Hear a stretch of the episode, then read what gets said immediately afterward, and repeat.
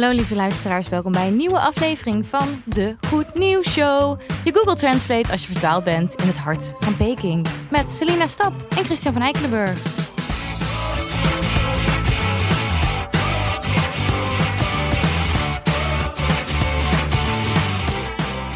Zou je maar gebeuren. Zal je maar gebe- gebeuren? Absoluut. Zou heel vervelend zijn. Zou heel vervelend zijn. Sowieso hoef ik niet naar China de komende tijd. Bah, Nee, ik ben in China geweest. weet ik. Het is een leuke leuk. voorstelling. Ja, vond ik heel leuk. Ja. Ik vond het echt leuk. Ja, dat... Ja, nee, sorry. Nee, nu klinkt het heel negatief, maar ik vond het echt leuk. ja, Heel mooi land. hartstikke leuk. Alleen geen jammer geen vrije pers. Verder hartstikke gezellig. Ja, ja. ja, ik bedoel, ja, je moet niet voor de pers naartoe. Nee. voor de leuke Maar we gaan naar. China? Ja, voor de journalistiek. Nee, maar, maar goed, we gaan, ja, ik moet toch, ja, van China maken we een heel kort boogje, want we gaan even naar Rusland. Oh, Want ik heb namelijk meteen goed nieuws. we blijven in de communistische landen. Ja, absoluut. Ehm, en ook de grote landen die heel veel invloed hebben op de wereld. Ja. Ehm, namelijk, dat is. eh, ehm, ik dacht. Nou, ik moet eerst even zeggen. Ik vond het leuk om een beetje een dierenaflevering te maken. Ik Ja, ben gek op dieren. zei je net, ja. Ja. En dus ik dacht, ik ga even wat dierennieuws eh, ehm, pluggen. En dat is namelijk, Rusland die heeft 17.000 doses van een coronavaccin voor dieren geproduceerd. En eh, het is dus zo dat eh, zoogdieren als honden en katten en nertsen en vossen, daar is dus al een beetje van bekend dat zij het coronavirus kunnen krijgen en ook eventueel kunnen overdragen. En de Wereldgezondheidsorganisatie die zei al eerder dat het bezorgd was over de besmettingen tussen mensen en dieren. En eh, ook zouden dus mutaties kunnen optreden. En dan uiteindelijk weer zitten we weer langer in die lockdown. En daar ben ik nu gewoon echt helemaal poepie klaar mee. Ja, Dus zij hebben een vaccin gemaakt voor dieren. Goed nieuws. Maar ik denk dan toch ook, waar kunnen die vaccins dan ook niet meteen, zeg maar, op zo'n manier gemaakt worden dat het dan voor armere landen is? Want daar dat het muteert lijkt me nog waarschijnlijker dan Ja, je bij bedoelt dieren. eigenlijk, nee, maar dit is wel een ander vaccin. Hè? Dus je moet. Ja, maar die, die capaciteit om die vaccins te maken zou dus Ja. ook voor menselijke vaccins kunnen. Nee, dat is ook Dus, zo. dus dat. En ik denk van, oh, misschien is het dan wel goed hè, dat die dieren worden gevaccineerd.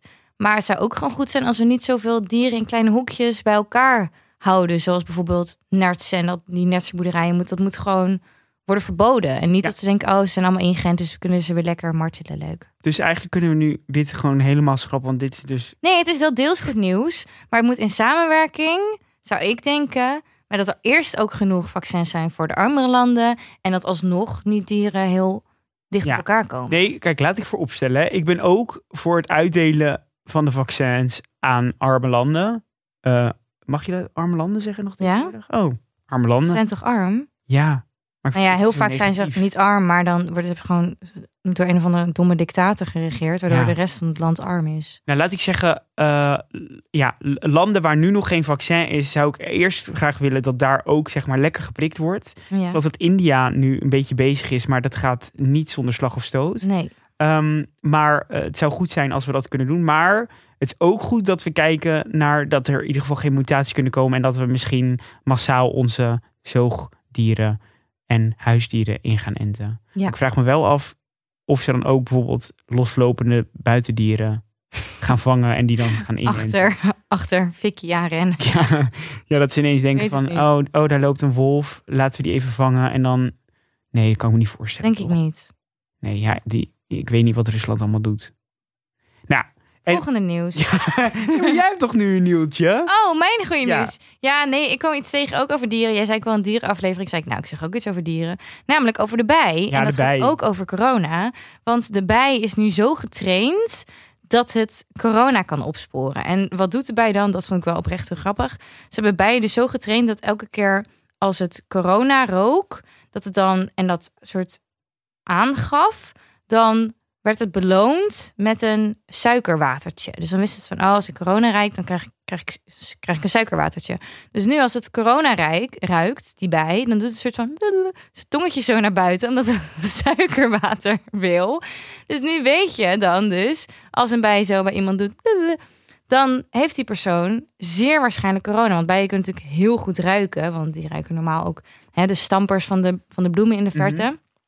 En het schijnt dus dat die bijen veel goedkoper zijn om dus aan te testen aan te geven of iemand corona heeft dan testen. Helemaal voor de armere landen in deze wereld, zou bijen veel makkelijker zijn dan testen. Ook qua laboratoria en zo. De advocaat van de duivel spelen. Oh. Ik heb dus gelezen. eh, ja, eerst dacht ik namelijk, net zoals jij, oh ja, goed nieuws. Maar toen ging ik dus even verder lezen. en eh, eh, ze hebben het naderhand aangepast, een dag later. En toen werd er dus gezegd dat die bijen dus daarna worden vermoord.